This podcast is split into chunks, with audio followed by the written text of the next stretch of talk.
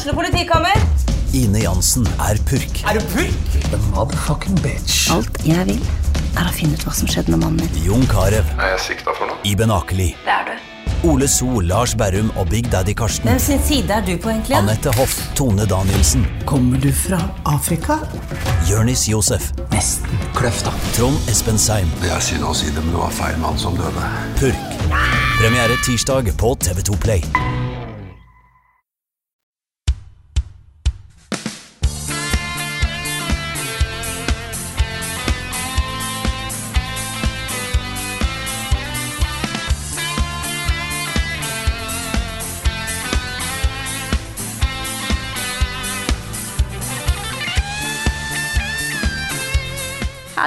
Velkommen til en ny episode av podkasten Level Backup. I denne episoden her så har Carl bestemt seg for å dra til Disneyland. Ja, Disneyland eh, Paris. Ja, prioritere da over podkasten. Tenk da. Men det kommer mye, mye bra content for den likevel da, på Twitter-kontoen hans. Ja, absolutt. Herlige bilder fra, fra opplevelsen, så eh, check a look. Nei, jeg tuller med deg, Karl, Carl, hvis du eh, hører på. Eh, Jeg håper han har en fantastisk tur. I mellomtida blir det podkast med meg, Frida Danmo, og med meg i dag har jeg Rune Fjell Olsen og Niklas Halvorsen. Hallo, folkens. Hello. Hello. Hvordan går det med dere? Det går kjempebra. Eh, Nå har jo endelig den uka kommet, da, som jeg har gått og snakka om nå, egentlig gjennom hele sommeren og sånt, fra det ble kjent. Eh, Tunic, lansert på Switch og PlayStation denne uka her. Og dette er jo et spill som jeg elska, elska, elska elska da jeg spilte det på Xbox uh, i uh, Ja, det var kanskje på PC jeg spilte det, men i hvert fall GamePass uh, i våres. Så tenkte jeg ok, jeg har ikke fått runda det, ikke sant. Uh, her er, det, dette er et sånn typisk et sånt spill som jeg har lyst til å ta platinum i, ikke sant. Nå er det ute på PlayStation. Nå har kan du ta platinum. Ja, my day has come. Men dette her også, ikke gå glipp av dette spillet, folkens. Det er et av årets klart eh, beste spill, syns jeg, da. Helt Et nydelig spill, altså. Så um, nå er det jo ute på det som er av plattformer. Det er ute på Xbox og på PC og Switch og PlayStation. Så eh, det Ja, kjenn din besøkelsestid på den. Det er et utrolig koselig spill, altså. Ah, Det er så bra, altså. Ja, Mhm, Nick, det det er det. det. Wow. Mm. Jeg var nærme å gi det ti av ti. Ja, du var det. Jeg tenker. Mm, jeg var det. Ja, det ble jo en ni av ti på meg også, eller en terningkast fem, da. Mm. uh, på NRK. Uh, ja, det er veldig, veldig veldig nære en, en uh, sekser for min del også, liksom. Så, så det er et Ja. Det er et eller annet med det spillet, altså. Den derre følelsen av å finne ut av ting på egen hånd.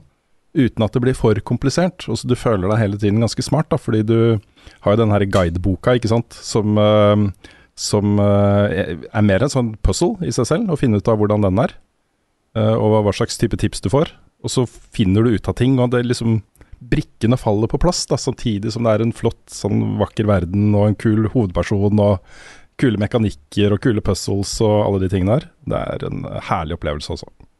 Og så spillet utvikler seg sånn. Det går liksom fra å være litt sånn eh, Zelda, Metroid, Souls-like, og så blir det bare så mye puzzles. Det er kjempegøy. Mm. Helt herlig. Ja. Men nok snakk om det. Ellers eh, går alt eh, fint med dere. Kjekt å ha deg med i podkasten, Nick. Ja, ja. Jeg holdt på å si eh, det får gå greit at Carl tar en ferie. Sånn av og til, liksom. Pluss at nå, nå er det lenge siden jeg har vært her òg. Så jeg er Ja. litt rusten.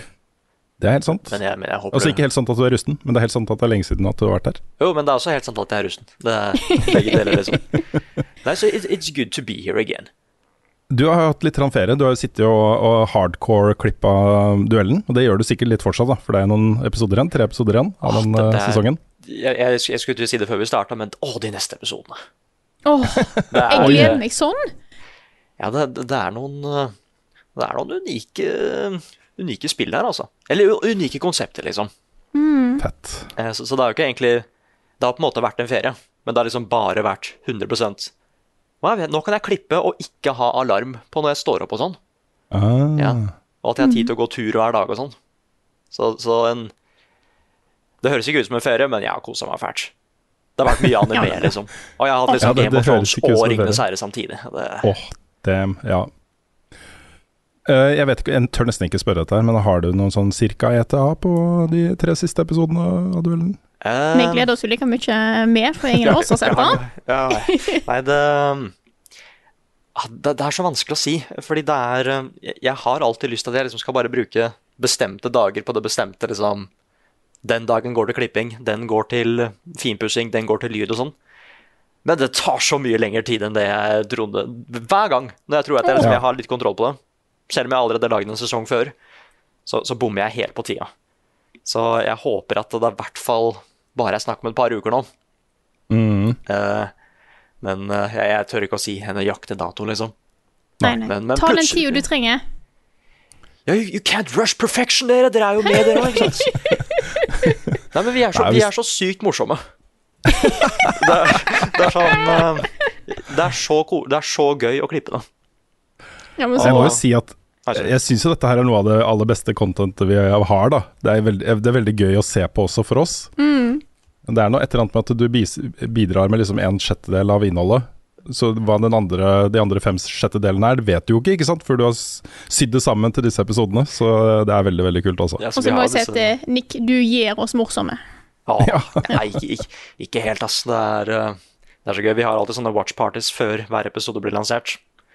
Uh, så vi skal få det òg. Nei, så plutselig så bare dukker det opp en ny episode av Duellen. Jeg ville bare anbefale da lyttere av podkasten som ikke har sett disse to sesongene med eh, duellen, som, som kom, kom igjen i fjor og igjen i år, om å gjøre det. Det høres kanskje litt sånn derre litt sånn med ut, å bare sitte og se på eh, seks stykken i level up spille eh, spill og konkurrere, liksom. Men dette er litt sånn gameshow-feel. Det det er en sånn utrolig kul eh, måte å, å vise fram disse spillene på konkurransen på. Eh, det, er, det er veldig gøy å se på, det mener jeg helt oppriktig. Det er liksom, dette, er, eh, dette er skikkelig bra content, da. Ja, Så, så ta en liksom helaften med uh, hver sesong, så har du god underholdning, altså. Det lover jeg. Ja, jeg tror jeg jeg tror kanskje Jump King-episoden er blant det morsomste innholdet vi har lagd på, på Ja, vi, vi ofrer alt, liksom. Ja, vi gjorde det.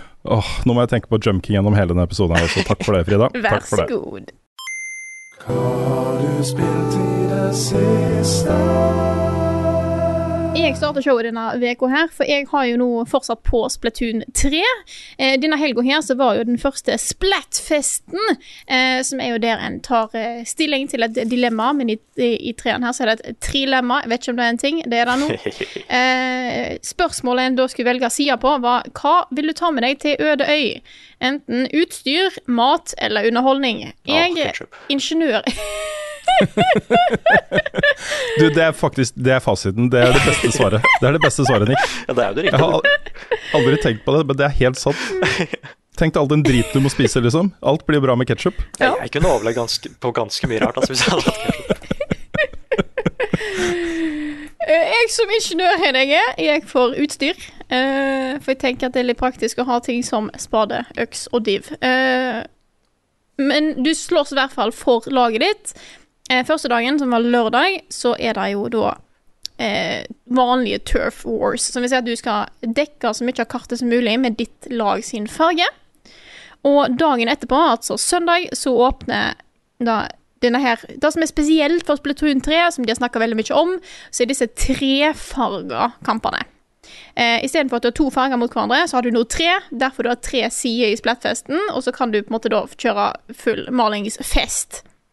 Jeg Eh, vet ikke helt hva jeg syns om kombinasjonen av liksom trekant og splatfest. da er det du som dro i den retningen, Rune. Da var Nei!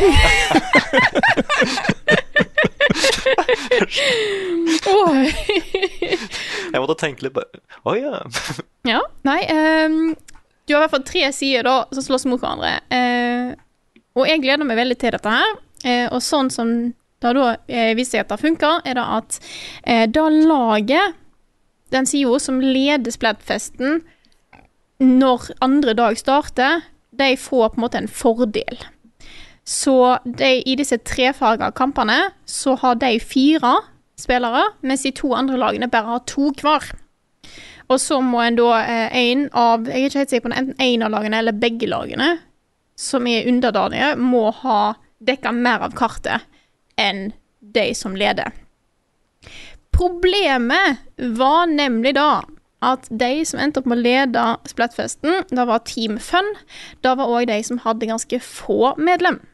Eh, som betydde at hvis du var på et annet lag, eh, f.eks. jeg som var på Team, eh, team Utstyr, som helt klart hadde flest medlemmer.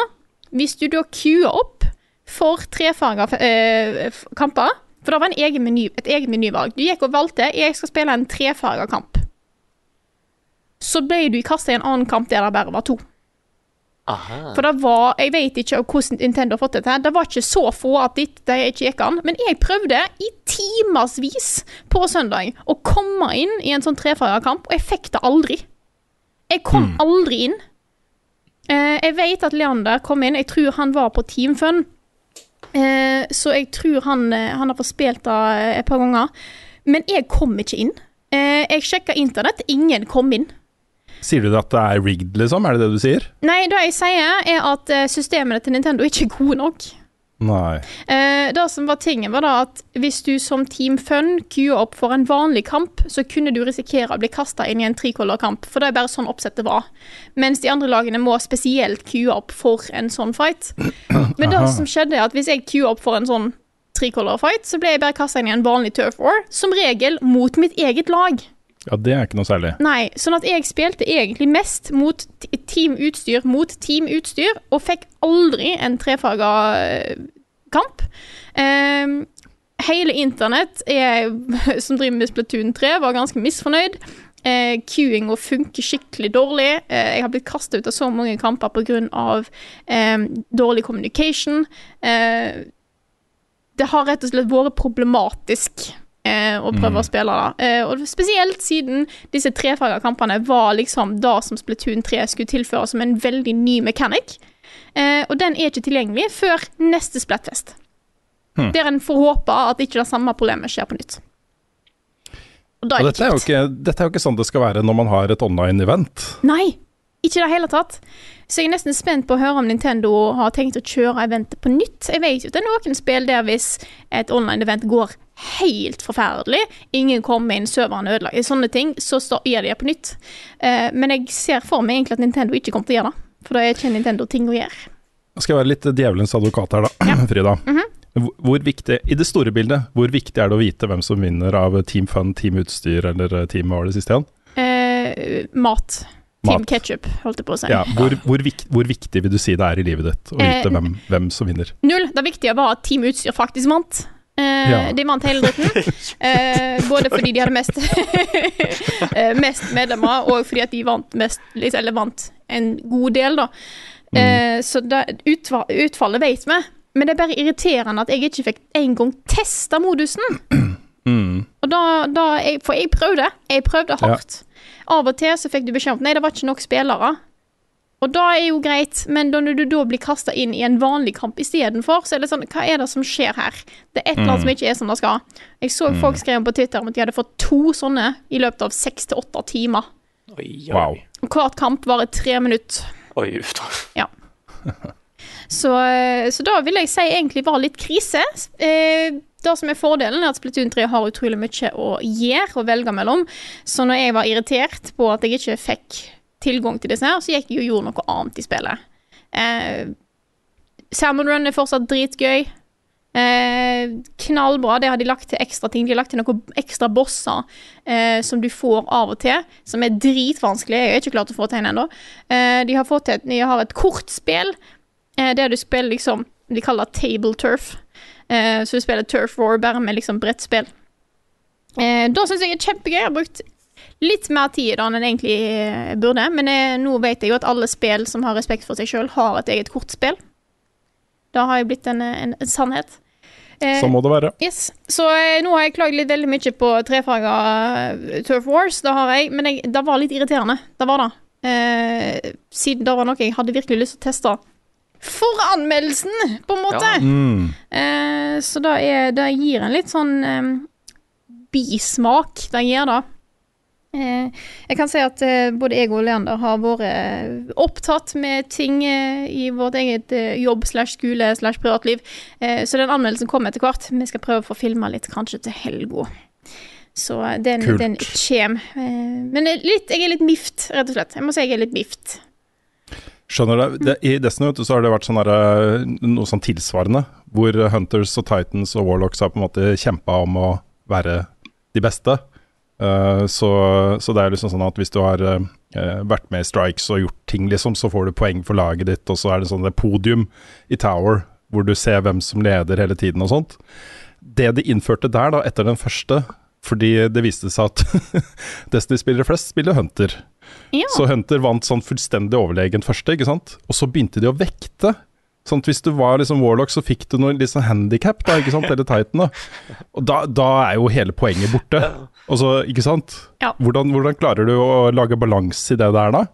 Så det har jeg bare driti i. Det har jeg, jeg har ikke giddet å være med på engang. Nei, for meg så er det heller ikke viktig da òg at mitt lag vinner. Jeg følte at det var ikke en eh, Det var ikke et trilemma jeg hadde veldig mye stor Det, det, det var ikke noe som jeg eh, har tenkt mye på at de, hvordan kan de andre vinne, for det er jo Nei. Eh, det er bare irriterende at jeg ikke fikk tilgang engang. Eh, det er jo en typisk Nintendo at serverne er litt ikke kjempebra. Mm. Men, eh, men da at det var lagt opp sånn, da eh, Jeg tror, jeg tror eh, mitt, mitt lag hadde 60% av alle spillere, og så var de resterende 40 eh, delt på de to andre. Men det var ikke da så få at det ikke var mulig å få til en sånn kamp, tenker jeg. Mm. Så ja. Yeah. Det hadde vært litt morsomt hvis de innførte en sånn der totalt ubalansert uh, trilemma. Sånn der, uh, fri tilgang til uh, hunde- og katte, hundevalper og, og kattebabyer, liksom. På ene. Og så eh, en milliard kroner. Og så fred i verden. Og sett hvordan det gikk. Mm. Ja, det er sant. Nei, det er Jeg er jo litt spent på å se hvordan det hvordan det går videre. Jeg kommer nok ikke til å vente til neste Splatfest og før anmeldelsen kommer, om ikke neste Splatfest er liksom til helga. Eh, Men eh, det tror jeg ikke han er. Men eh, hvis ikke har jeg ikke fått det med meg, i så fall så er det my mistake. Men eh, uansett, spillet er fortsatt veldig, veldig gøy. Det er veldig mye av det en har likt fra før av, og det er en del nye ting her i tillegg. Så så langt veldig positiv. Bortsett fra at jeg er litt sånn online er litt sånn herk. Men det er av og til litt fordi at jeg Jeg, jeg føler òg at eh, online-kamper så kommer det fram at av og til så er jeg litt dårlig.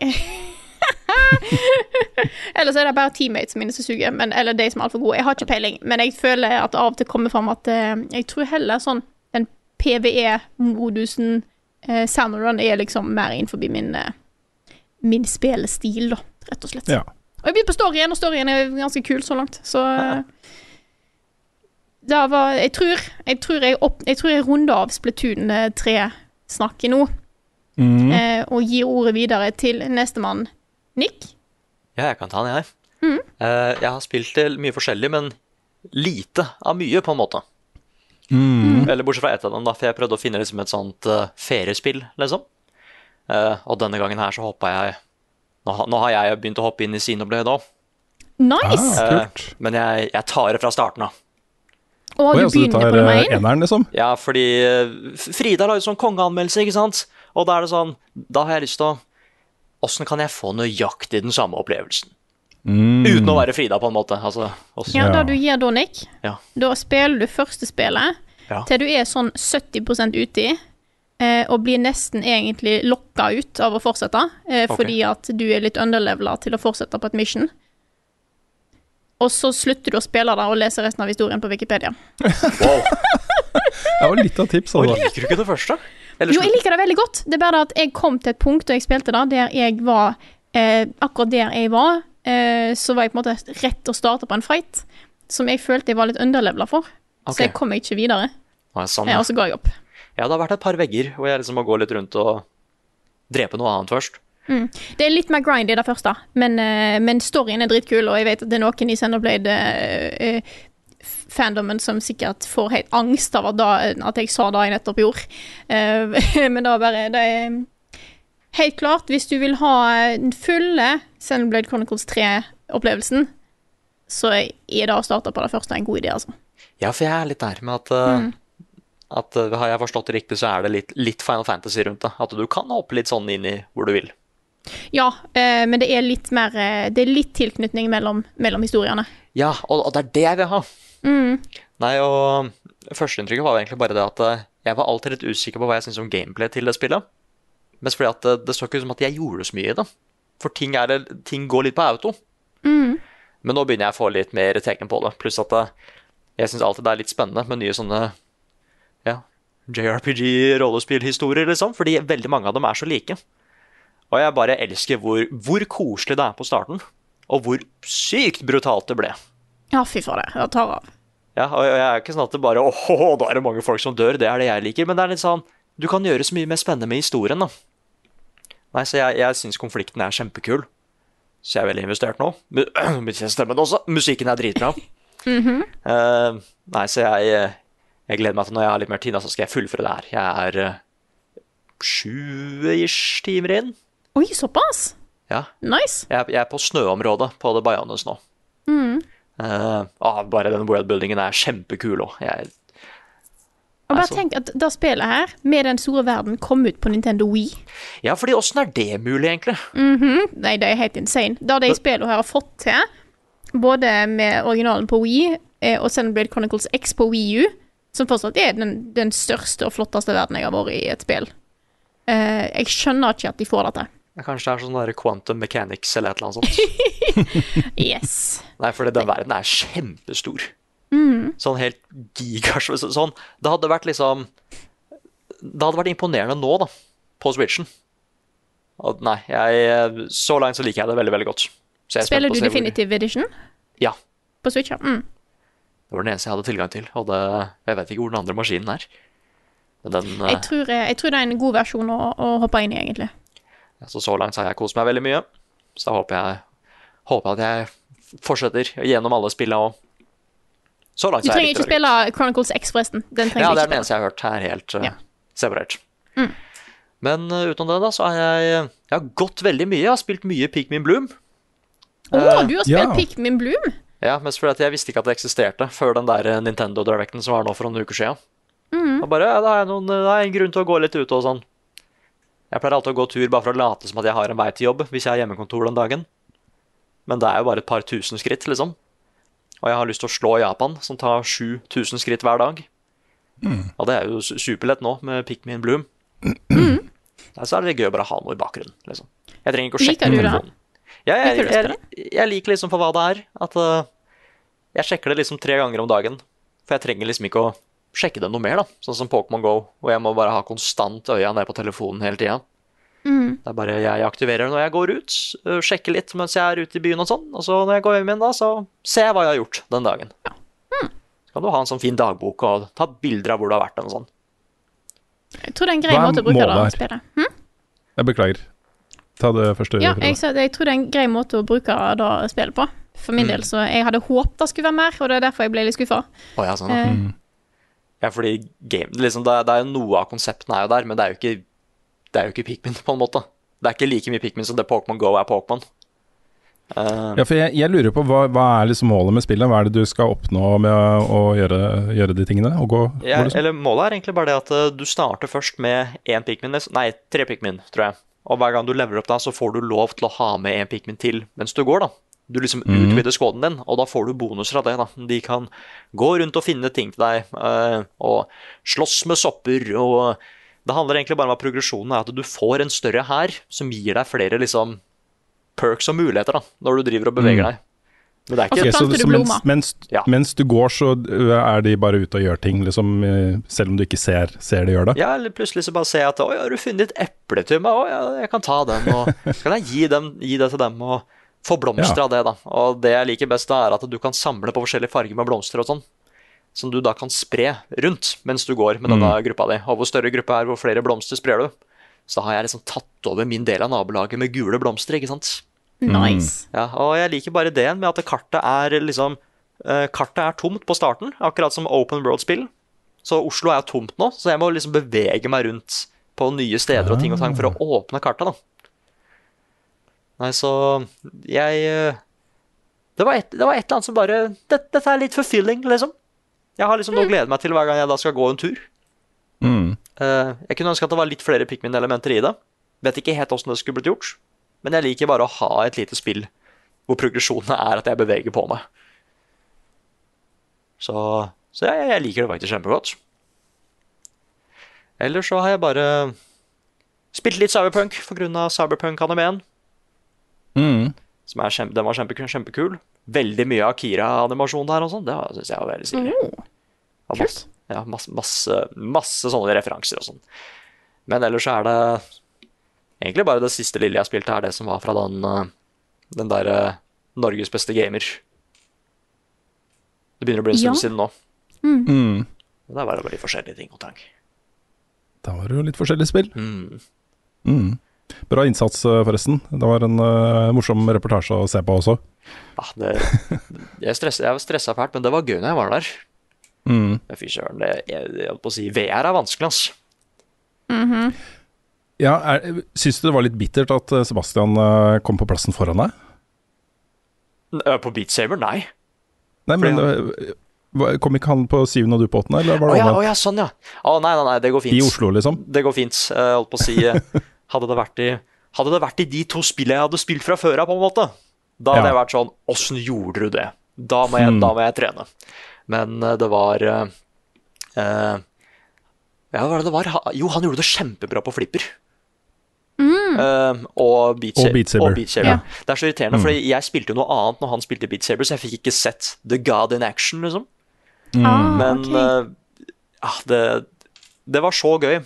For det var, første, det var første gang jeg hadde liksom prøvd det ordentlig. Både Beat Saber og liksom skikkelig VR. da. Og jeg fikk ikke til dybdesyn og sånn, men jeg kjente på en måte at jeg ble bedre hver gang. Mm. Så det, jeg har kjempelyst til å teste med VR. Nå Det er sikkert en ny mulighet når PlayStation VR2 kommer. Jeg tipper det er et uh, spill som er line up for det, hvis ikke det er noe en eller annen eksklusivitetsavtale med, med, med en eller annen. Så Beat Saber er jo det ene VR-spillet som liksom går inn overalt, og som man kan ta opp og bare Ja, VR er noe. mm. Så Nei, ja. nei, og vi, vi skulle slått eh, skårene våre sammen, liksom. Jeg sa det Mm. tidlig, at det, det er det beste å gjøre, men Alas, it was not meant to be. Nei, så neste gang da, altså, jeg har lyst til å Jeg har lyst til å liksom være best i Oslo, ikke sant. Mm. Represent og sånn. Det er ikke noe i er Kongsvinger, så da må jeg ta det i Oslo. Ja. ja, du bor i Oslo nå, så det hadde jo ikke vært uh, feil. Mm. Hvis folk klør seg i hu- huet nå og lurer på hvem eh, Sebastian, hvem er det? Det er jo vår eh, nye intern. Yeah. Han er på eh, praksisplass fra Danvik. Skal jobbe her hos oss fire dager i uka i ni måneder. Ja, han har tatt Allerede. Ja. Men han har allerede gjort seg bemerka, gjør en kjempejobb, også. Mm. Um, er du ferdig? Ja, ja, jeg er ferdig. Ja, for da kan jeg jo bare gli elegant over i, i det Sebastian sitter og jobber med akkurat nå. Det er jo en ny serie som kommer på kanalen vår. Um, litt sånn koseprosjekt, da. Fordi jeg, må bare si beklager. Det er mulig, det er mulig jeg har fått en annen av oss eh, litt hekta på det spillet jeg er litt eh, glad i. Svendsen er så inne i Destiny 2 nå. Det er, det, ja, han, er, han er der jeg var for noen år siden, liksom.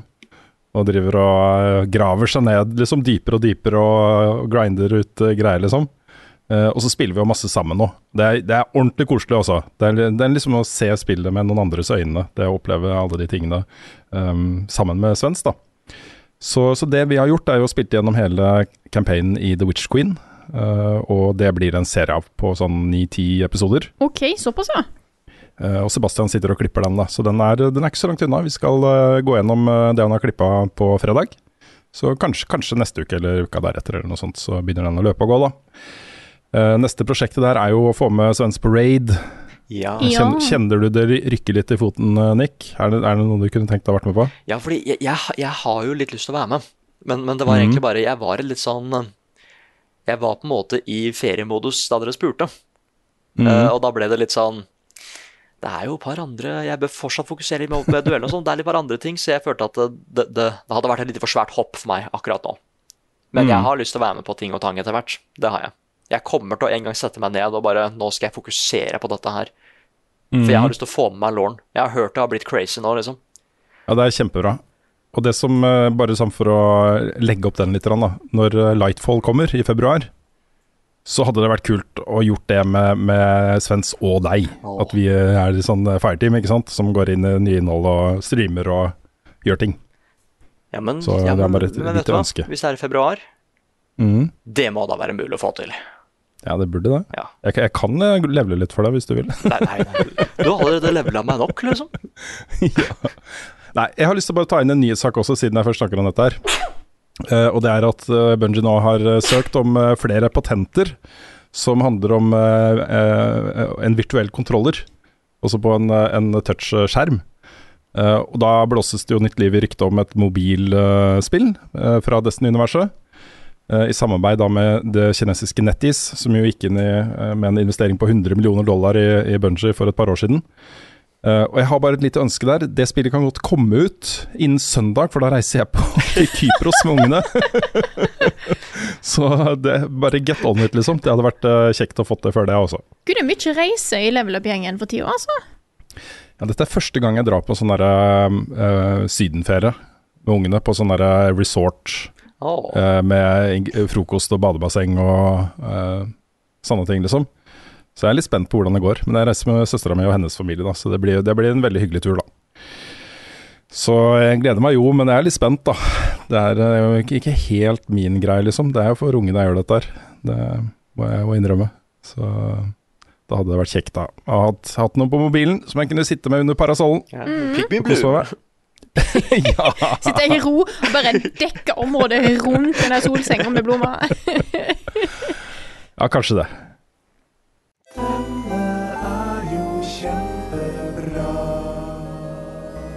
Ukens anbefaling. Hvis du nå de siste dagene har sittet og tenkt Nei, men faen, jeg vet ikke hva jeg skal se på av ting. Eh, hva er, det er jo helt tomt. Det fins jo ingenting å se på akkurat nå. Så er det bra at vi er her og kan servere en anbefaling. Vær så god, Rune. Ja, jeg har jo sett uh, Andor, den nye eh, Star Wars-TV-serien på, på Disney pluss. Yeah. Um, og gikk inn i det med litt sånn derre hva skal man si, ikke labre forventninger, men jeg hadde, jeg hadde liksom ikke forventa at dette skulle være en sånn eh, super seeropplevelse. Litt fordi jeg hoppa av, jeg hoppa av um, eh, Obi-Wan-serien. Ok. Og jeg liksom, føler meg litt sånn metta da, på den der Nå skal vi utvide universet og utvide universet og utvide universet. Men grunnen til at jeg ville se den, er jo fordi jeg er veldig glad i Rogue One. Også den eh, prequelen til eh, hva er det, eh, kapittel fire? Ja. Eh, episode fire. eh, den aller første Star Wars-filmen.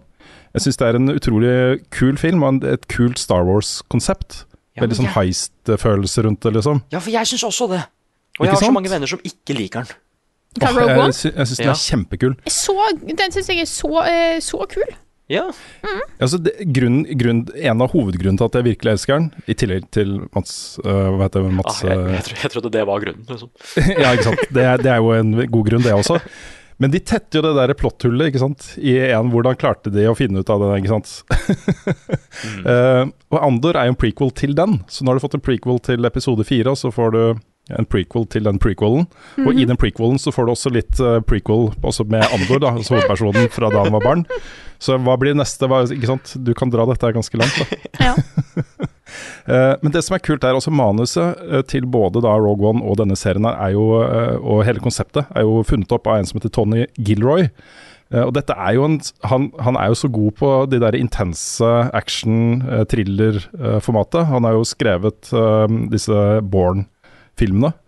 Eh, Michael Clayton, og da også Rogue One.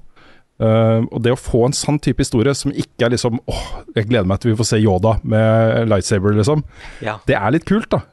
Det er kult å se en sånn historie i Star Wars-universet. Og så syns jeg også alle skuespillerne er skikkelig gode her. Mm. Eh, Særlig Diego Luna da, som eh, Cassian Andor. Uh, Men det er mye stilige biroller og sånt her også.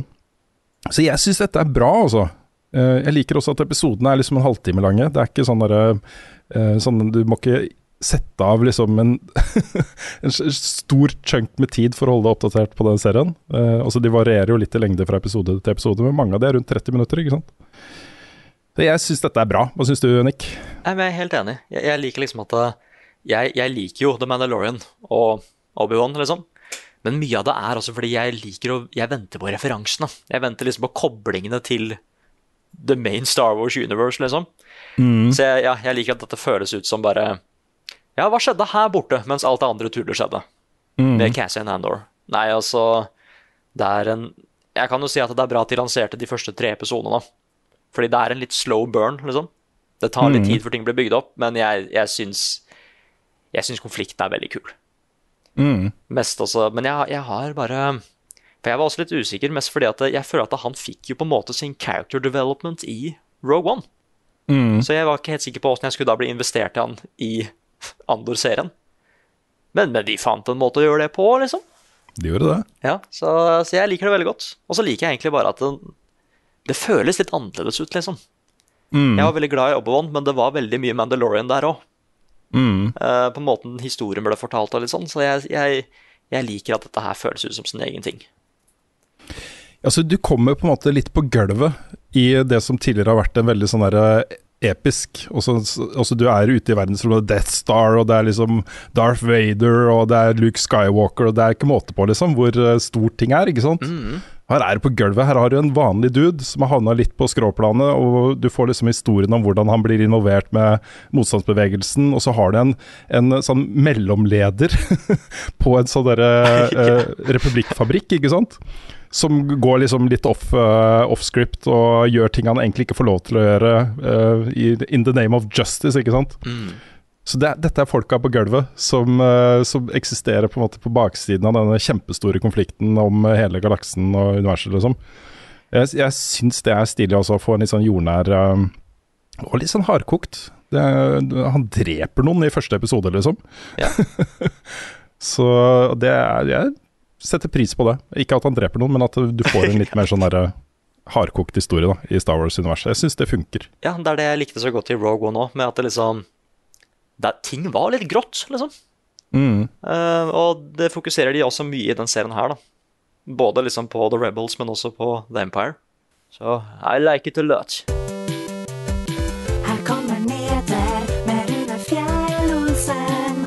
Han har ikke hår. En 17 år gammel brite er nå um, arrestert og sikta for uh, denne hackingen av uh, Rockstar Games. uh, og lekkingen da, av um, masse videoer og bilder fra Grand Theft Auto 6. At var han 17 år? 17 år gammel. Ah. Han sitter i, um, i hva heter det, ungdomsjuvie. Ju, Juvenile detention. Så han er jo, vil vel da kanskje ikke bli sikta som en voksen. Um, men, uh, men rettssaken går videre. Han har erklært seg ikke, ikke skyldig, da. Uh, så, så det er jo um, Han er ikke dømt ennå. Uh, men uh, um, uh, britiske etterforskningsmyndigheter, uh, og da uh, særlig politiet i Ox Oxfordshire Oxfordshire. Oxfordshire. Jeg fikk kritikk for det i spilleuka. Um, engelske navn, britiske navn på ting er helt eh, koko, så det er helt Ja, ja, innafor. ja. Er den der sausen. Worcestershire sauce. ja. ja, vi er på det nivået der, Ja. liksom. Um, ja, han er i hvert fall sikta. Nå mener jo også da um, eh, politiet at uh, det er flere uh, gjerningspersoner bak uh, denne hacken. Um, ikke minst da fordi uh, denne 17-åringen skal da være en del av en større hackergruppe med flere personer, så det er nok ikke enden på visa dette her. Jeg tipper at uh, ha, der fikk vi den, gitt. Da var kildekoden til både GTA 5 og GTA 6 sikra. Den uh, ligger nok på en server et eller annet sted, kryptert og alt dette her, ikke sant. Så um, det er nok ikke det siste vi, vi, vi ser uh, til den saken her. Men uh, jeg syns det gikk veldig fort. Ja, Veldig fort at de hadde en person, liksom, som uh, nesten litt overraska over hvor fort det gikk. Ja. Oi, ja, det, det han skal også ha stått bak, da, eller vært med på å hacke både Uber og Nvidia og Microsoft. Jeg husker ikke, det var liksom flere av de store da, som, eh, som visstnok har eh, eh, vært utsatt for datainnbrudd. Så får vi se hvordan det går. Rockstar har ikke sagt noe mer som jeg har fått med meg om, om hvordan dette påvirker arbeidshverdagen deres. Mulig vi får vite mer om det etter hvert også. Og så er da Skull and Bones utsatt nok en gang. Det ble jo, tror jeg, avduka i 2017, eh, og så utsatt i 2018 og 2019, og nå da også i 2022. Det er eh, utsatt til 9. mars 2023, og Ubisoft sier at spillet basically er ferdig. eh, Men at de trenger den ekstra tiden til finpuss, og det fant de ut da, etter å ha testa det internt. De hadde en del tekniske tester og sånne ting. Eh, Jeg så der en, en spilljournalist som heter Steve, Steve, Steven Totio, som er vel fra Kotaku opprinnelig, tror jeg. Jeg husker ikke helt. Eh, skriver på Twitter da, at eh, kilder i, på teamet har fortalt han at eh, de interne forventningene til spillet er lave. Og vi har jo snakka litt om det. det den, dette spillet fikk jo den, en ny stor avduking på eh, Ubisoft Forward nå nettopp som var veldig underwhelming. Jeg klarte liksom ikke helt å engasjere meg i det jeg ble vist, og tenker, tenkte liksom at hvordan skal de få dette til å bli gøy? Eh, tydeligvis flere som har tenkt det samme, da. Eh, og det er vel det de skal jobbe med. Så jeg er veldig glad for at Ubisoft utsetter ting istedenfor å lansere det, selv om de liksom tenker at det er ikke sikkert dette går så bra, men vi får se, ikke sant. Mm. Det er nok, nok av de store utgiverne som, som ikke tenker sånn, Mm. og det er jo ikke forbrukervennlig. Og Ubisoft har jo òg lansert ting før i den Mm. serien som eh, Nei, ikke skal eh, Dette var vel ikke, ikke den serien, men Assassin's Creed-serien, som ikke var ferdig i det hele tatt. Så de har jo Mm. helt klart vært på det toget før. Ja. Men da får vi se, da. 9. mars 2023, Skull and Bones, altså. Um, og um, ja. Det kan bli bra. Men det kan bli ikke bra også. Eh, jeg har også lyst til å nevne, du, du var innom Cyberpunk eh, tidligere, eh, Nick. Mm. Eh, det er litt spennende å se det livet det spillet har hatt nå etter alle, alle de kontroversene rundt lanseringen. Mm. Eh, og nå er altså, altså dette spillet oppe i én million daglige spillere. Um, det er helt åpenbart. Det er mange som har sittet på gjerdet og venta til, eh, til problemene er over, liksom. Uh, og jeg har ikke tall på hvor mange ganger jeg har fått det spørsmålet. Er liksom spillet friskmeldt nå, eller? Er det, er det greit å spille det nå, eller? De har kanskje kjøpt det, og da sitter inventaret deres og bare venta på at liksom den nye patchen har kommet og, og sånne ting. Og jeg vil jo si at det er det.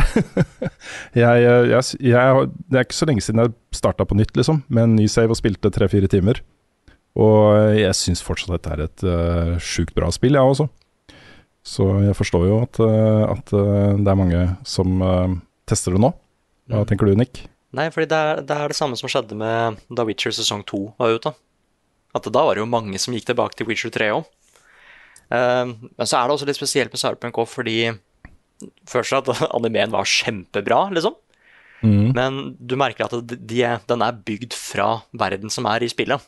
Så Mhm. liksom teknologien der, de samme lydene Du kan kjenne igjen de samme stedene som de er i serien. da. Så selv om du liksom har spilt det før animeen kom, eller etterpå, så det kommer til å være litt kult. For du kommer til å Mm. se likheter og sånn. Men jeg er jo også det at eh, jeg, jeg ga jo det tier, liksom, da det kom. Eh, fordi det var noen versjoner som fungerte bra. Mm. Og jeg syns det at eh, hvis du ser bort fra det tekniske, så syns jeg det som er i det spillet, er Sammenligna med andre Open World, så syns jeg det er top notch. Ja, så er det også litt, tror jeg da Jeg tror både du og jeg var veldig fokuserte på å følge historien og liksom complete sidequests og den type ting. Ja. Uh, det er så mange gode mikrohistorier i det spillet her. Uh, og den overbyggende historien er også veldig god. Hvor du har liksom Én En er den Ok, du skal romance noen, og dra det løpet helt ut til den dampende slutten på den greia, liksom. Jeg syns det er en av de kuleste sidehistoriene i et spill jeg har spilt. da Hele den prosessen liksom med å sjekke opp Padam var uh, utrolig kult, altså. Ja, er Uh, og så har du ikke sant? Og så har du hovedhistorien, og særlig da når Johnny Silverhand kommer inn, og sånn siste tredel av historien syns jeg var utrolig sterk. Og så har du noen fantastiske sideoppdrag som eksisterer litt sånn på egne bein. De kan være liksom sånne minihistorier. Uh, på en måte litt episoder i en TV-serie, spin-offs, et eller annet, da. Som også er veldig gode. Eh, og hvis det er fokuset, så tror jeg du har kunnet hatt en fantastisk opplevelse med Cyberpunk helt siden det kom ut. Hvis du bare vil fise rundt og besøke dildobutikker og uh, rane ting og, og uh, mekke og så være open world-spiller, da. Så kanskje det er en litt annen opplevelse, eller har vært det i hvert fall. Så bare for å forklare litt hvor jeg kommer fra. Når jeg sier at jeg elsker Cyberpunk, så er det pga. de tingene der. Det er så mange minneverdige sekvenser, og særlig siste tredel av det spillet, som, eh, som jeg tenker på fortsatt, liksom. Ja. Kule hendelser og lo lokasjoner og, og vendinger i historien og sånt som, eh, som blir med meg, da. Så jeg vil jo fortsatt anbefale det. Noe annet ville kanskje vært litt rart. Ja, det, er, Men, eh, nei, nei, det har vært så koselig å se at det liksom Det har vært mange folk på det teamet som snakker om den, den mørke perioden. da Med at de har Mm. brukt syv år av livet sitt på noe som får slakt av mange andre anmeldere og sånn. Så det er så Mm. gøy å se at de sa at eh, Jeg tror det var en Quest-designer som sa det at eh, it feels fucking good. At folk Ja. nå liksom koser seg sånn med det. Mm. Nei, så jeg, jeg liker å se det. Jeg er enig. Vi har fått avdukingen av et eh, nytt spill fra EA Originals. Og dette er jo en sånn kul Det er liksom den kule armen av EA, da. Eh, de spillene som har fått EA Originals stempla på seg fra før, er jo Lost in Random, It Takes Two, uh, Sea of Solitude, Unravel, uh, A Way Out uh, og Fe. og så litt, litt sånn kule, kule alternative greier, liksom, som eh, ligger et stykke unna da, Battlefield og, og den type ting, ikke sant. Eh, og det nye spillet er et samarbeid med Koi Tekmo, eh, Tekmos eh, Omega Force. Det er jo Dynasty Warriors, Hyrule Warriors, altså Warriors-utviklerne. Eh, om et spill da, som heter Wild Hearts, som skal komme ut 17.2.2023. Og dette er jo, dette er jo Monster, Monster Hunter blanda med litt, litt sånn derre Uh, eh, ja, magisk uh, Føydal-Japan, Mm. kan man vel kanskje si. Og det som jeg fikk ut av den traileren, for den var en utrolig kul trailer, som de avduka dette spillet her med, var at det ser fett ut å spille, og at det er litt mer sånn derre de kampene mot disse svære monstrene. Min lille sånn eh, greie da med Monster Hunter er at eh, jeg, jeg syns det ser kult ut. og Jeg syns liksom alt av våpen og armor og de ekspedisjonene du skal ut på, alt, alt det er ganske kult. Men så skal du slåss mot disse monstrene.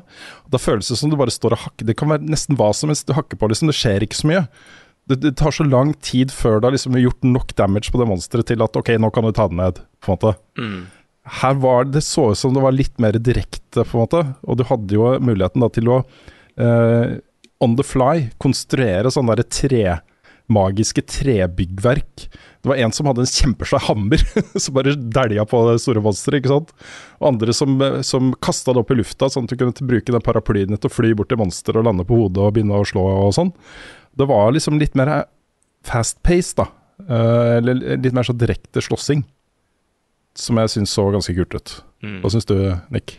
Ja, fordi det er eh, Jeg skjønner ikke åssen Carl kan bruke de dual-sverda i Monster Hunter på akkurat den samme greia. Med at eh, Jeg liker at monstre reagerer litt når jeg slår på dem. Mhm. Så derfor måtte jeg skaffe det ekstra lange sverdet for å få den effekten der. Ja. Så det tok litt tid å komme seg inn i. Men jeg, jeg begynte å like det veldig godt òg, da.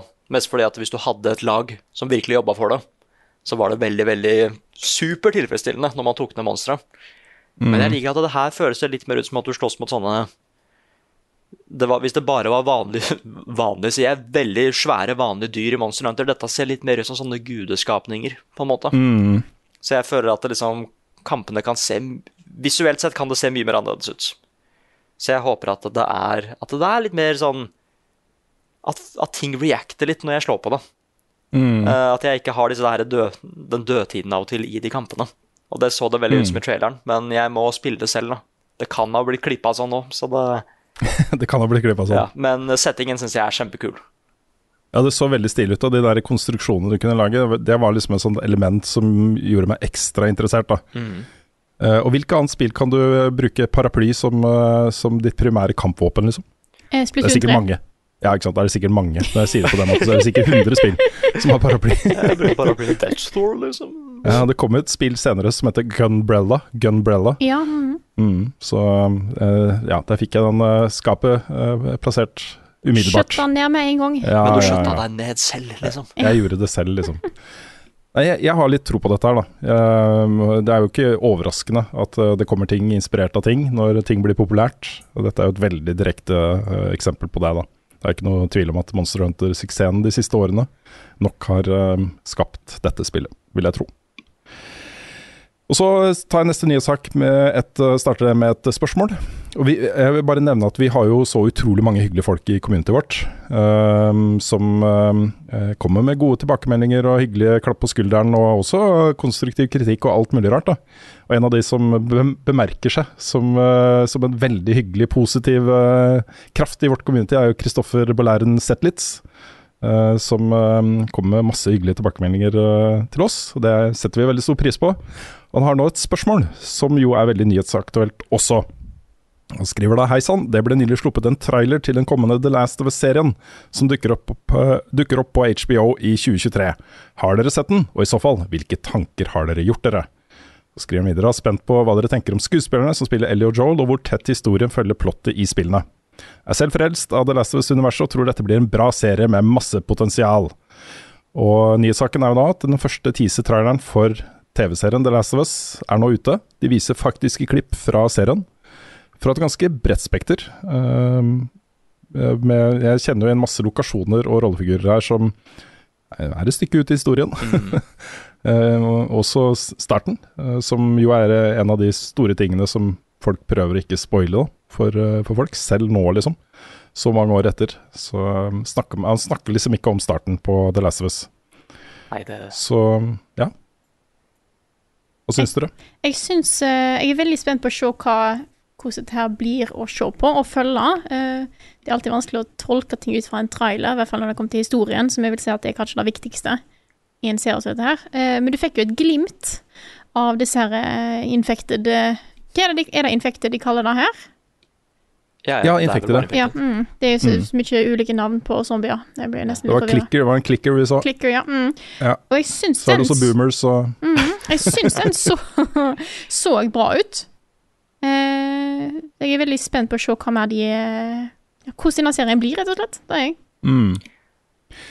Jeg er ikke så opptatt av valg av skuespillere, egentlig. da Jeg vil at de skal være gode skuespillere, mer enn at de skal ligne på Joel og Ellie og de andre rollefigurene, liksom. Um, det, det er mye viktigere for meg. Det er mer eh, historien i seg selv. Fordi uh, For meg så vil på en måte alltid Joel og Ellie Det vil være de som er i spillene. Det er, det er min Joel og min Ellie.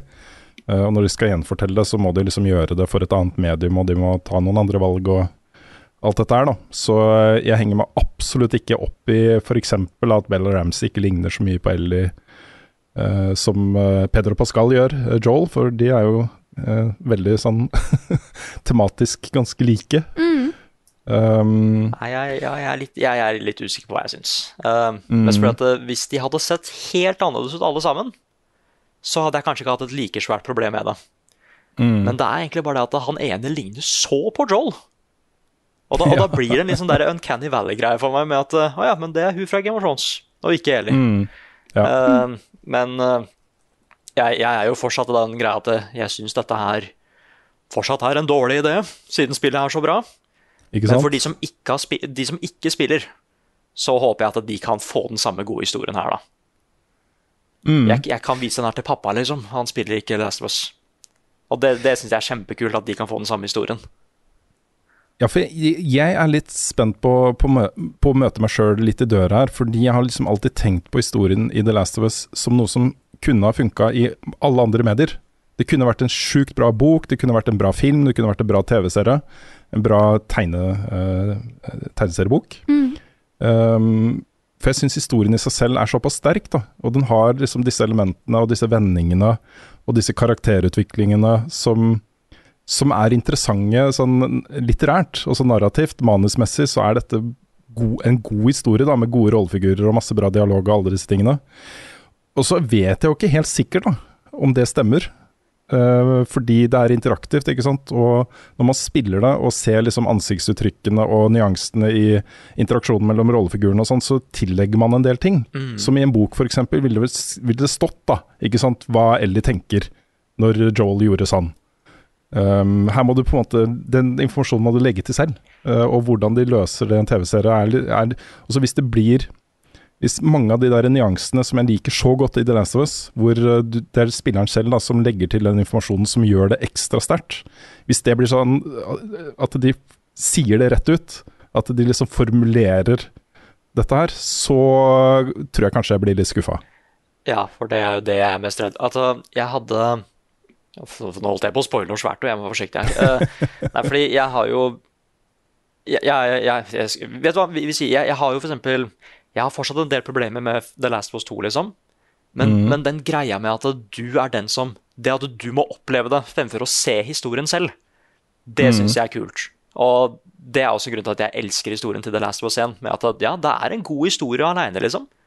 Du kan se cutscenes og bare bli skikkelig investert i de karakterene. Men det er også bare det at du må jo spille gjennom det òg. Ja. Og forstå liksom at ja, du forstår motivasjonen til karakterene så godt, og derfor kan du også gå litt bak i de mørke tinga du gjør da, i det spillet. Mm. Og de, det er sånn Det er samme, samme greia når de sa at de skulle lage en film av Firewatch, liksom. Bare ja, det er en god historie, men dårlig idé, altså. Ikke sant? Det er eh, Nei, jeg, jeg, jeg jeg er to, todelt på dette her, rett og slett. Mm. Selv om det jeg har sett ser veldig bra ut. Ja, altså, jeg jeg syns de har vært flinke til å gjenskape på en måte de bildene jeg har i hodet av lokasjoner. Mm. Uh, fra den lille, de korte glimtene vi så. da. Um, det, jeg er nok også ganske spent på hvor mye av historien de skal fortelle, da, fordi de har nok tenkt en sesong med en slags konklusjon, og jeg vet ikke om liksom sesong én er det eneste de skal lage. Har de tenkt til å liksom dra inn part to også, i en sesong to og tre kanskje? Ja, sånn, ja. Eh, eller uh, hvor, hvordan, hvor mye skal du fortelle? For jeg så jo glimt fra Left Behind-delscenen også, i uh, den teaser-traileren. Så de har nok uh, på en eller annen måte gjort et sånt tilbakeblikk med Ellie og sånt i serien. Så jeg tipper nok at det vil konkluderes på samme sted, da. Men om de har tenkt å avslutte på samme måte, det vet jeg jo ikke. Nei, men det må de da gjøre. Nei, nå ble jeg redd. Fordi hva hvis de gjør noe annet? Helt annet. Nei, bare så lenge de får til starten og slutten. Ja, Det, det er det viktigste. Jeg mener de har sagt at det er limited, men nå ble jeg litt usikker. Uh. ja jeg er heller ikke helt sikker. Men jeg jeg tenker jo at hvis dette går kjempebra, så ligger det jo en hel historie der. Mm. Som er fortsettelsen av The Last of Us part 1, liksom. Mm. Ja, ja. Og de, de har jo sagt at det muligens også kommer en eh, part 3, eller i hvert fall de har hintet om det. Så det ligger jo muligheter til å fortsette denne TV-serien. Men uh, tenk om vi havner i en sånn situasjon da, som uh, med Game of Thrones, hvor på en måte historien er ikke skrevet ferdig ennå, og så må du bare liksom fullføre den. Ja, ja. Nei, og så for å konkludere litt, da. Jeg har middels forventninger til TV-serien. Jeg sånn, jeg kommer til å se den. Jeg forventer ikke å bli blåst av banen av den. Eh, og det er rett og slett fordi den konkurrerer mot et av de beste spillene jeg har eh, spilt. Og en opplevelse som jeg ikke føler trenger, eh, for meg personlig, en, en, en ny gjenfortelling. da. Eh, og jeg har jo også i tillegg nettopp spilt gjennom hele det part 1 nytt. så, og det var en utrolig kul opplevelse. Så um, ja, sterk er kanskje mer riktig. Sterk opplevelse. Så jeg, jeg håper det blir bra, men jeg forventer at det blir uh, for sånne som oss, da, som kjenner historien godt fra før og har et nært forhold til spillet, bare en helt maksimalt bare en helt grei opplevelse. At det er hyggelig å se det i et nytt format. Kanskje. Hva, hva er dine forventninger, Nick? Nei, egentlig bare Jeg gleder meg til å vise det til foreldrene mine, uh, siden de ikke har spilt spillet. Mm. Fordi det er, det er en god historie her. Ja. Hvis de får til pacinga Ja, det er et spørsmål! Åssen skal de få til pacinga her? ja. Det, det, det er der de må legge inn mest arbeid, tror jeg. ja. Mhm. Nei, det, Men det er mye spørsmål her. Nei, igjen, eh, litt problem med liksom noe av castingen, men bare liksom utseendemessig, verden og sånn, og The Infected, syns jeg ser Mm. kjempebra ut. Jeg er enig. Det er bra at det er HBO på de tinga her. Mm. Det sto jo fra skaperen av Tsjernobyl. Ja da, det er jo, det er jo de er folka der. folk. Eh, Chris Metzner, eller hva han heter for noe. Mm. ja. Nei, jeg, jeg er Så- veldig spent. Jeg, jeg, jeg tenker veldig likt som deg, Nick. Eh, Jeg tenkte med en gang at hvis denne serien er bra, så er det den ene jeg skal på en måte tipse foreldre og kjente om. Så jeg Mm. håper jo han blir bra. Jeg gir jo det. Mhm. Jeg vil jo det. Det er jo Neil Druckmann er jo også involvert her. Eh, tungt involvert eh, på manus og, og overbyggende, liksom, hvordan ting skal være. Så ja. Vi avslutter også nyhetsspalten med en annen eh, TV-serie-nyhet. og det er jo da en Onimusha-anime oh, ja. på Netflix. Regissert av Takashi Mikenik. Jeg så det. Har, har du sett traileren? Nei, jeg har ikke sett traileren, jeg bare så de der eh, bildene som de ga ut. Ja, det Nå, nå har ikke jeg kjennskap til liksom spillserien, men det ser bra ut.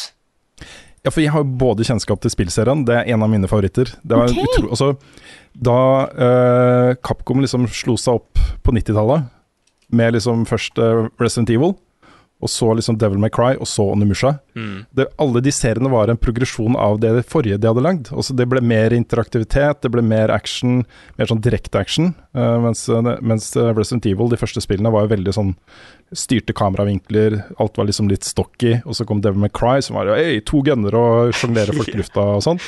Og så kom Onimusha, som var en, en uh, ordentlig stilig action adventure, samurai med overnaturlige elementer action-serie. da. Mm. Eh, veldig glad i Onimusha-spillene. Og når den er i tillegg da regissert av Takashi, Takashi Miike, som står bak så usannsynlig fete filmer, særlig Audition er jo en av mine absolutte favorittfilmer, så, så ble jeg veldig nysgjerrig, ass.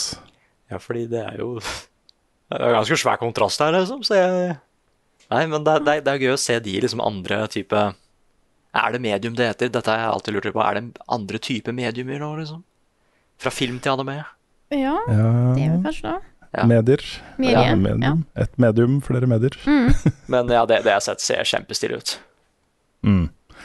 Nei, det kan bli fett. Jeg, øh, den, den, er jeg my den er jeg mer gira på faktisk enn The Last of Us, må jeg innrømme.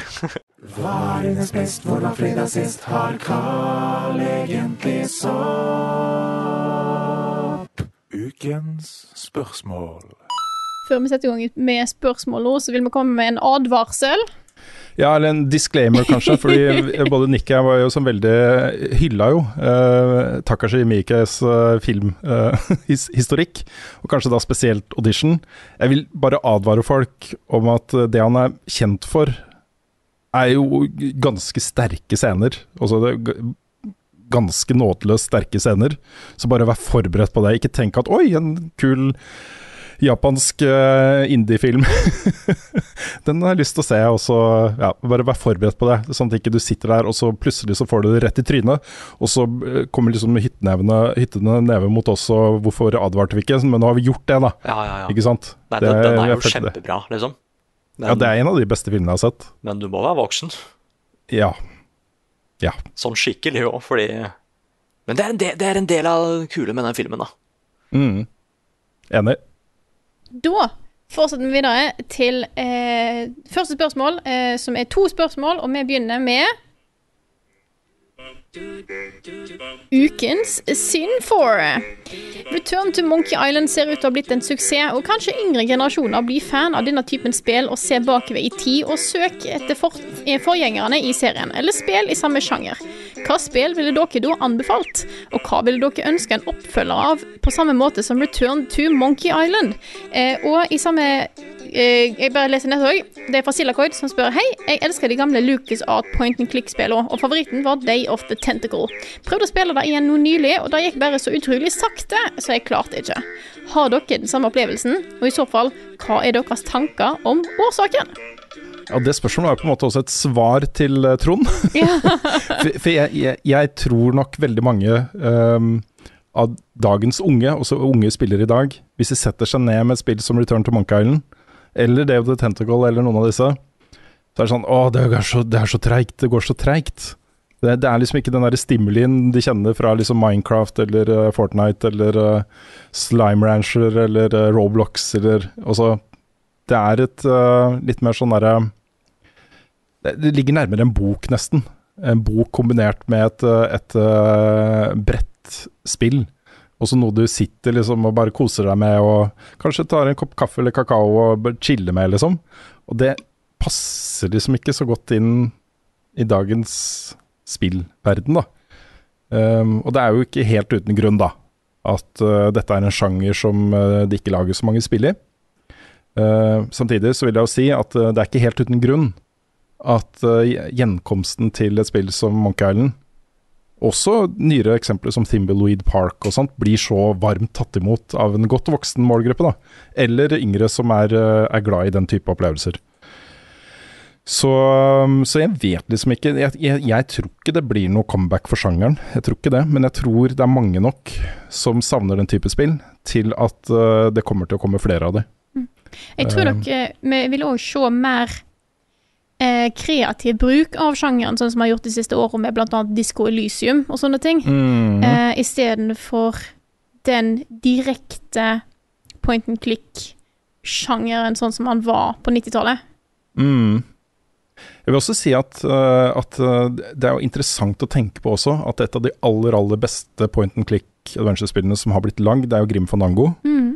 Og det var jo også en videreutvikling av sjangeren. Her fikk du 3D-bevegelser og, og uh, en del andre elementer.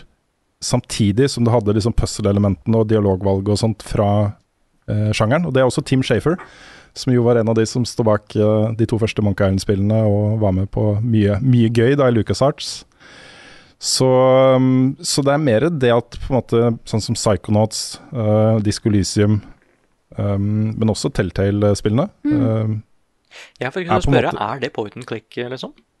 det er ikke point and click, men det er på en måte de, de appellerer litt av de samme grunnene. Mm. At dette er mer du følger en interaktiv historie, og du må eh, på en måte gjøre uh, dialogvalg. Uh, velge retningen historien tar, uh, og liksom finne ut ok, jeg må kombinere den og den tingen for å løse den tingen. Telltale-spillene er mer interaktive historier. Da. Det er ikke så mye sånn derre inventarsystem med kombinasjonen, og så må du bruke den tingen på den tingen for å komme deg videre og kunne gjøre den andre tingen osv. Mm. Um, det er jo helt, helt, helt sentralt og essensielt i, i, i adventure-sjangeren. Uh, men det er mer den filen man har mens man spiller. At man kommer i en modus som er litt annet enn det å skyte aliens med laserpistol, eller, eller hva det skulle være, liksom. Um, så Det er litt interessant når, vi egentlig, når en ser litt på hvor, hvor spill har utvikla seg. Eh, da snakker jeg ikke om på en måte indie-sjangeren, for den har jo mange eh, spennende ting. Eh, Jeg tenker mer hovedsakelig litt trippel A-industrien. At de har gått fra at disse gamle klassikerne som en i dag ser på som ganske trege, til noe som er, til det som er mye mer high-paced spill. Fordi du ser jo veldig mye de samme trendene i filmindustrien. Hvis du går tilbake til de eldre klassiske filmene, så kan jo de på en måte, hvis du er vant med dagens pacing, føles veldig trege og seige. Eh, mens da en har noe actionfilmer med kortklipping og fjom, fjom, fjom videre fra eh, Og liksom 14 klipp for at en skal komme seg over et gjerde. Sånne ting. Um, så det er, det er litt interessant, altså, å se hvordan eh, disse kunstformene faktisk eh, på vilt ulike tidsskala og tidsrom har egentlig gjort litt samme utvikling. Ja, jeg, jeg føler jo virkelig da at uh, Return to Monkey Island har jo vist uh, utviklere av den type spill. Og så hvis du har lyst til å lage et pek og klikk adventure-spill i 2022-2023, så har de uh, lagd en oppskrift til hvordan man kan gjøre det. Hvor du har liksom hardcore-modus. Du kan velge selv og ikke bruke hint i det hele tatt.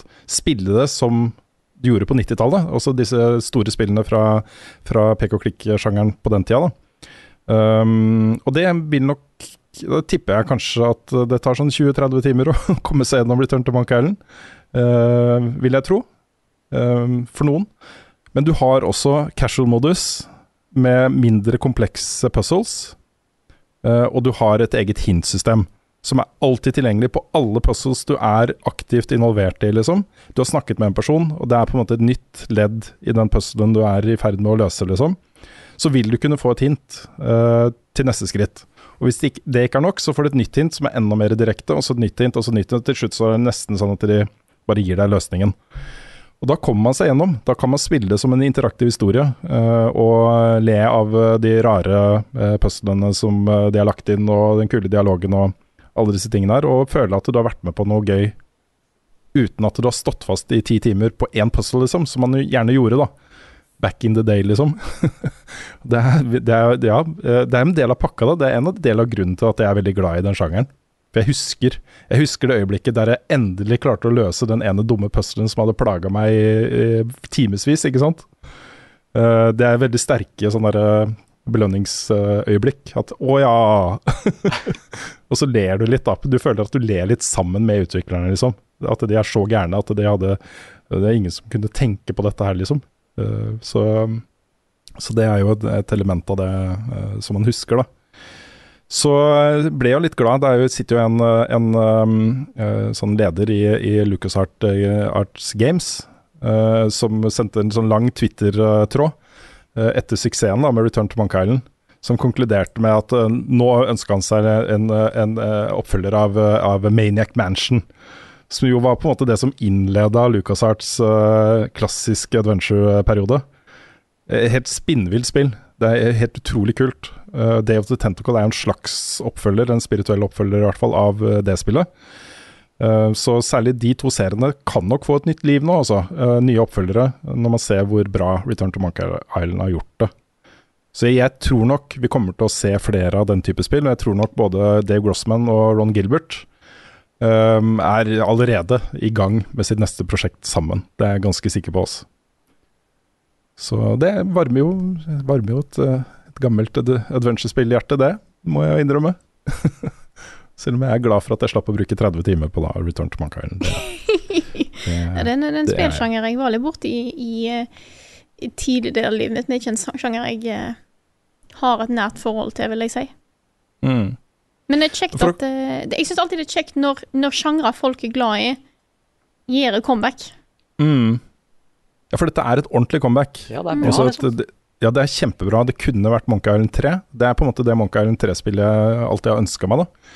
En direkte fortsettelse av eh, Monkey Island 2 eller Chucks Revenge. Historien fortsetter liksom der den slutta, og gir en uh, herlig konklusjon, liksom. Det kan til og med komme flere Monkey Island-spill etter dette her, så, så det er veldig kult. Uh, men en del av spørsmålet var jo hva er liksom de store klassikerne innenfor uh, denne sjangeren? Og nå har vi nevnt noen av de. Day of the Tentacle har jo fått en remastered versjon som er tilgjengelig på moderne plattformer.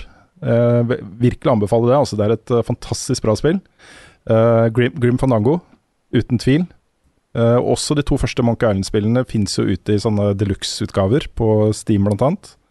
Hvor uh, du også får liksom directors commentary, og du kan få sånne kommentatorspor da, hvor Tim Shafer og Grossman og, og Gilbert sitter og kommenterer hvordan de tenkte da de konstruerte den og den vitsen, ikke sant. Det er kjempeartig, altså. Uh, så, så de har blitt spillbare for en ny generasjon. Så har vi jo en habil eh, og, og kjent sånn hjørnesteinsutgivelse her i Norge, med 'Den lengste reisen og Drømmefall. Ja. Jeg vet jo at uh, Ragnar Trønkvist og co. har jo snakket om at de har lyst til å fortsette Drømmefall. Uh, de har et konsept der som de har snakket om, i hvert fall. Uh, om hvordan historien skal fortsette og hvilken retning den kan ta og den type ting. Så kanskje det kommer mer der. Og så vil jeg også slå et lite slag for, for Perfectly Paranormal. Eh, og denne Tuesday-serien, eller hva de kaller den. Med eh, Manuel Samuel og Helheim Hassel. Eh, og så kommer det et nytt spill som heter The Holy Gosh Darn. Som er det tredje spillet i denne trilogien. Eh, det er liksom, dette er spill veldig inspirert da, av, eh, av pek og klikk-sjangeren. Samme type liksom humor og ville oppgaver og, og absurditeter og, eh, og sånt. Så det, selv om det ikke er et direkte pek og klikk-spill, så gir den litt det samme filen, da.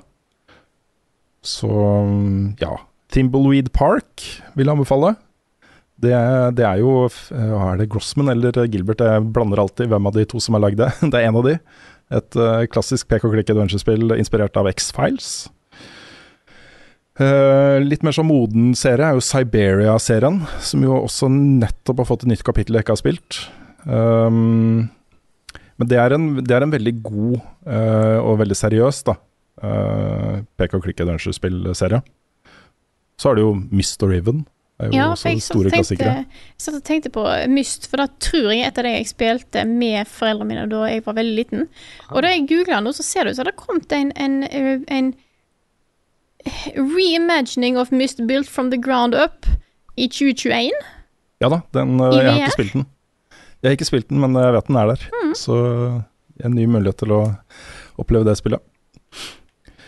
Eller så har du liksom også, Det er jo 90-tallet som var det store der. Du har eh, sånne spill som The Dig. eh, det, er, det er masse. Det er masse. Så bare LucasArts, Point and Click Adventure Games på Google. så, har du, så har du en serie med spill der som er eh, skikkelig, skikkelig gode også. Og før det igjen Space Quest og Kings Quest. Um, hvis du vil være skikkelig hardcore. Mhm. Police Quest. Leisure Suit Larry. ja. Lista er lang. Lista er lang. Lista er lang. Jeg lurer på om jeg har lyst til å ta et uh, neste spørsmål her. Ok. Det er fra, litt relatert nemlig, det er fra Ingar Takanobu Hauge, som spør De fleste har en spelsjanger de ikke kjenner så godt, men som de gjerne skulle likt og mer erfaring med. Hva sånne ikke min sjanger-sjangere skulle dere ønske at dere hadde blitt litt hadde litt bedre følelse av slash for slash med hva som enn blir rett proposisjon. Jeg tror Altså, jeg, jeg sliter med point and click-sjangeren, men jeg har fått med meg at det er veldig mye kule historier, så det er en, det er en sjanger jeg skulle ønske jeg likte bedre. Faktisk. Oh, hadde vi hatt eh, Film i tull-spalten vår fortsatt, så skulle jeg spilt uh, Grim Fandango med deg, Frida. Jeg tror det er det jeg hadde begynt. Jeg tror nok det. Mm. Mm. Så da er, da er den jeg kom på, og eh, jeg vet at det er veldig mange og mange i level up som er veldig glad i strategispill, og det er også en sjanger jeg ikke har kommet inn i. Eh, Mm. Så eh, jeg tror det er også en sjanger jeg skulle ønske jeg likte bedre. Jeg skulle ønske jeg var en litt større fan av eh, science fiction skytespill. Du er en skøyer. Ja, ja, hardcore rollespill er den ene sjangeren som jeg kunne tenke meg hadde mer tålmodighet til å sette meg inn i. For jeg tror at bare jeg hadde liksom kommet ordentlig inn i det, så tror jeg det hadde vært virkelig noe for meg. Også. At jeg kunne satt meg ned med med litt sånn eh, store, tunge, seriøse rollespill. Og kanskje til og med Dungeons and Dragons, liksom. Mm. Yeah. Det, det hadde vært gøy også. Jeg, jeg føler liksom at eh, ja, Hva går egentlig Divinity inn i? Sånn Divinity og Baldur's Gate, er det liksom hardcore RPG-rollespill? Ja, det er Ja. spillene jeg tenker Det er den type spill jeg tenker på Ja. når jeg sier at jeg kunne Ja, for det var sånn ting med liksom at eh, jeg visste ikke at det var en sjanger jeg hadde lyst til å hoppe inn i. Det bare skjedde, liksom, fordi vi skulle anmelde Divinity. Og der er jo jeg litt frelst nå. For jeg gleder meg til mange Mm. av de spillene som kan dukke opp der. Men uh, ellers så føler jeg liksom ja, Er det noen sjangre som Kan si, da. Uh, etter uh, I det derre Norges beste gamer så var det Need for Speed der. Jeg fikk litt sånn ny respekt for bilspill etter å ha spilt det. Ja, du gjorde det, ja. Mest, mest at det fordi ja, Altså, jeg har ikke sett ned på folk, men jeg har vært litt sånn Man har jo Mario Kart, liksom. Altså, spiller man disse andre greiene? Kan du kaste skjell fra bilene, liksom, i Need for Speed? Ja, du kan ikke det. Jeg kan ikke det. Nei, men jeg bare Jeg, jeg var ganske sikker på at det, Hvor vanskelig kan det her egentlig være, da? Med drifting og denne hastigheten og nitro og ting og tang. Og jeg var helt eh, Jeg var så noob. Det var så mye mer vanskeligere enn det jeg trodde det skulle være, og jeg fikk litt sånn derre Tenk å være skikkelig god i de spillene her. Du forstår spillet såpass bra at eh, jeg skjønner ikke åssen de fikk den highscoren heller, som var på det spillet der. Det var sånn to minutter raskere enn meg, liksom. Og bilen min gikk så fort til å begynne med. Jeg er heller ikke god i bilspill. Uh, I tillegg så jeg kjenner en, eller jeg vet om en, som har et ordentlig sånn bilsimulatoroppsett. Eh, sånn ordentlig oppsett. Mm. Eh, og har fått invitasjon til å teste det ut. Eh, og da har jeg lyst til å få Ta teste det- ut bedre som får ja. gjort det. Følg opp denne invitasjonen. Det er en utrolig kul opplevelse. Altså. Ja, ja, for liksom, jeg merka det i eh, Jeg pleide ikke å spille Mario Kart på 200 CC heller, før duellen.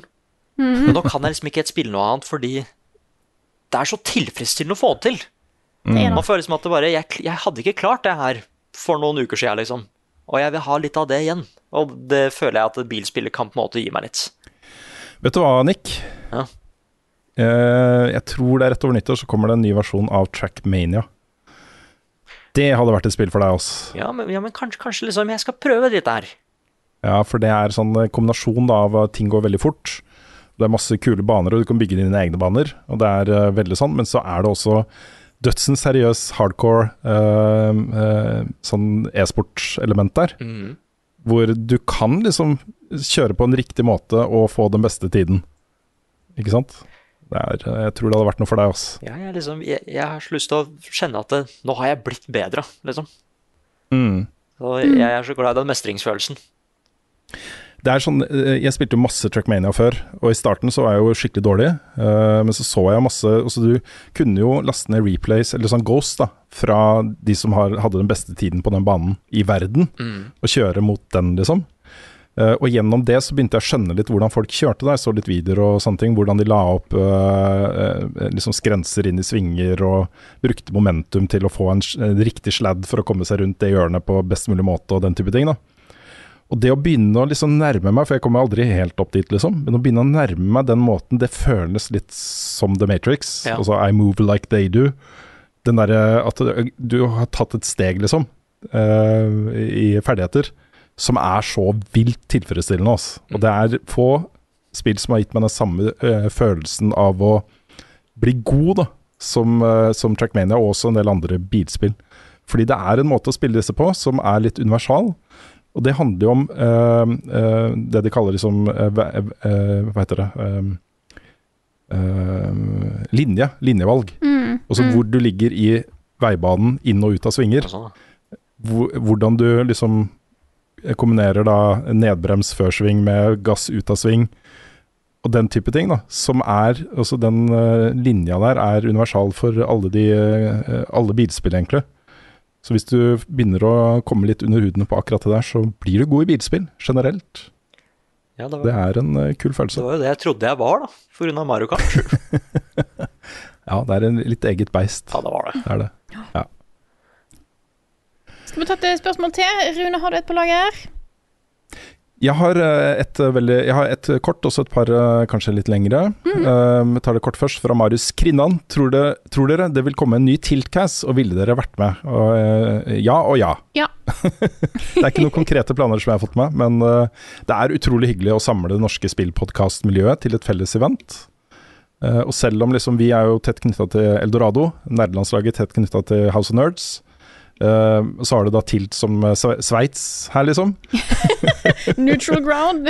Ja, så går det an å få til noe der fortsatt. Så, um, så jeg, håper, jeg håper virkelig at det blir mer også. Det er en veldig god anledning til å både oppdage andre podkaster du kanskje ikke har hørt så mye på, og til å uh, være en del av et uh, litt sånn større norsk spillpodkast-community som er veldig hyggelig. Og jeg vet at det er mange som hører på alle, eller flere, av de norske spillpodkastene.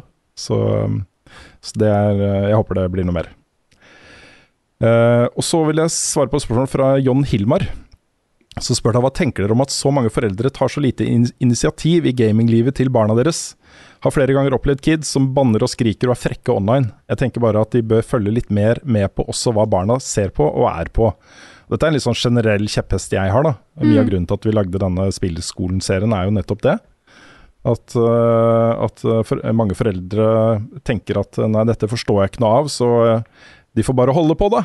Og så øh, blir det bare krangling om spilletid og uh, alt mulig rart, liksom. Men uh, de, er, de vet liksom ikke helt hva som foregår.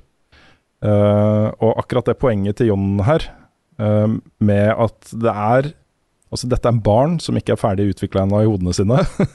ikke helt har den der empatien på plass og, sånt. Og det, å, det er så lett å havne inn i en sånn litt sånn toxic ting.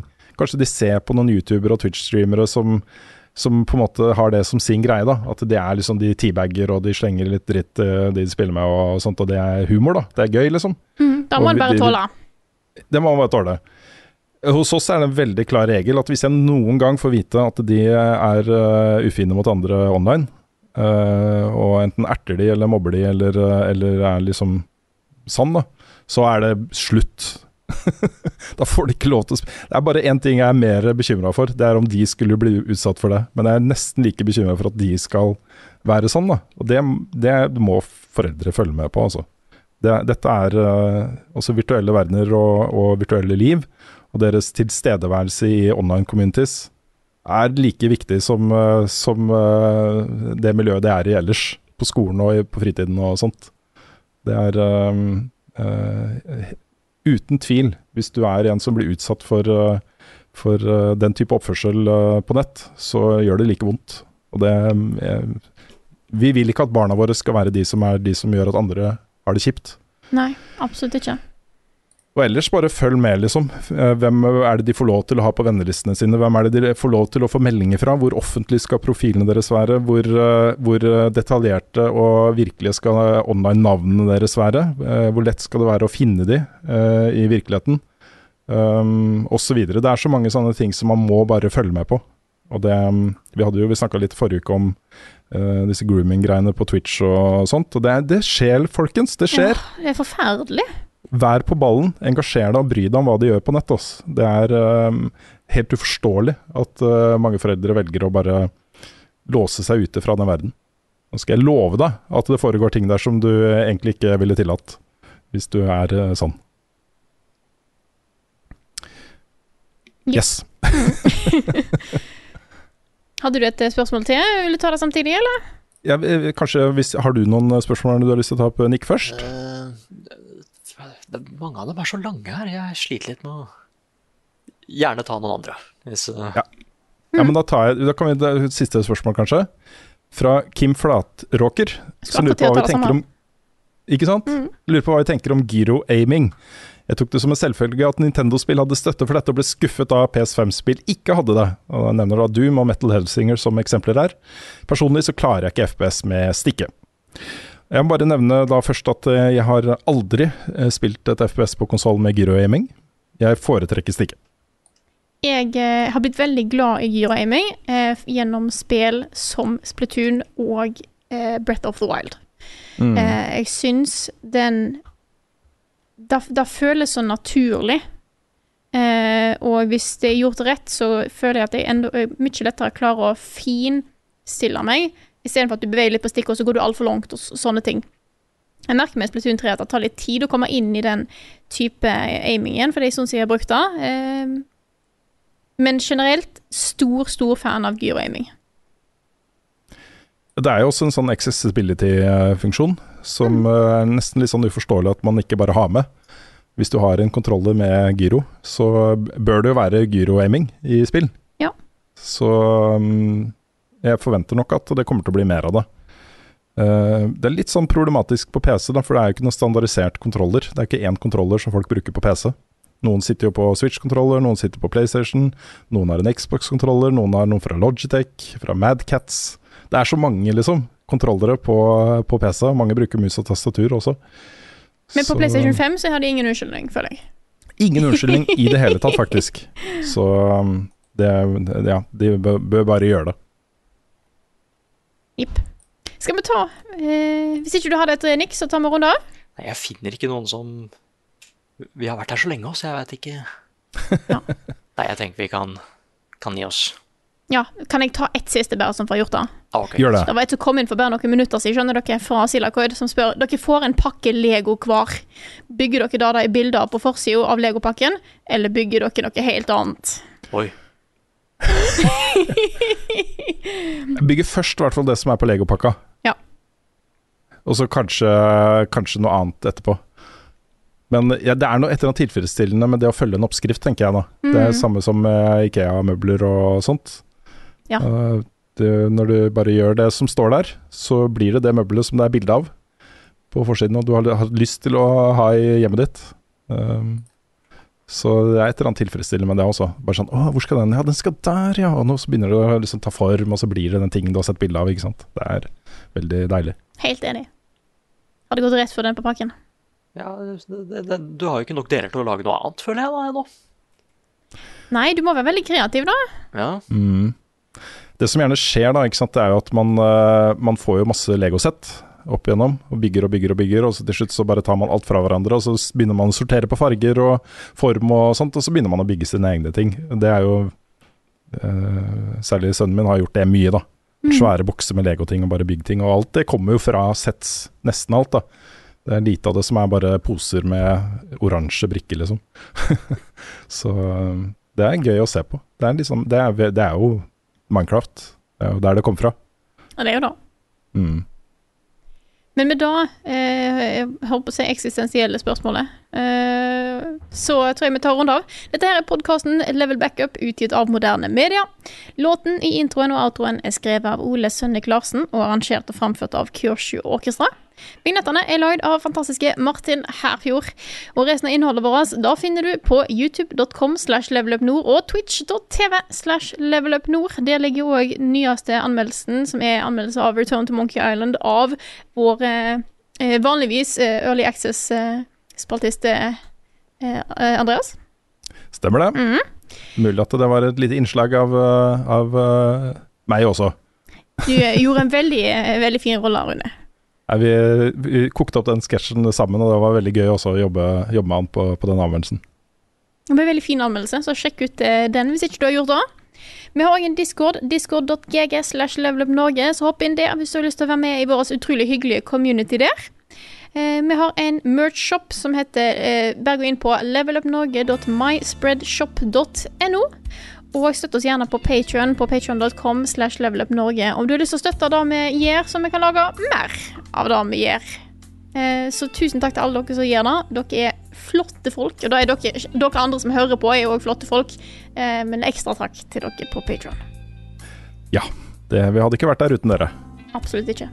Og med det så sier jeg tusen takk for denne uka her, og så snakkes vi igjen neste uke.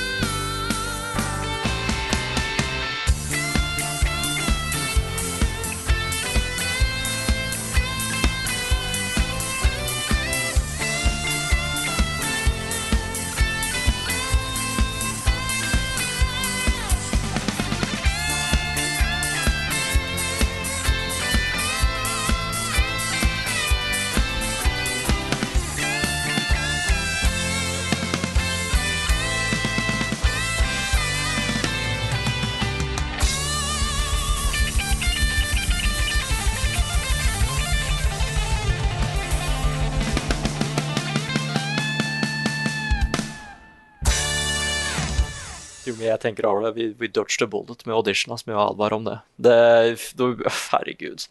For det var litt sånn at Onimusha, det ser kult ut, liksom, men åh, audition, wow. Har du et enkeltpersonforetak eller en liten bedrift? Da er du sikkert lei av å høre meg snakke om hvor enkelt det er med kvitteringer og bilag i fiken, så vi eh, gir oss her, vi.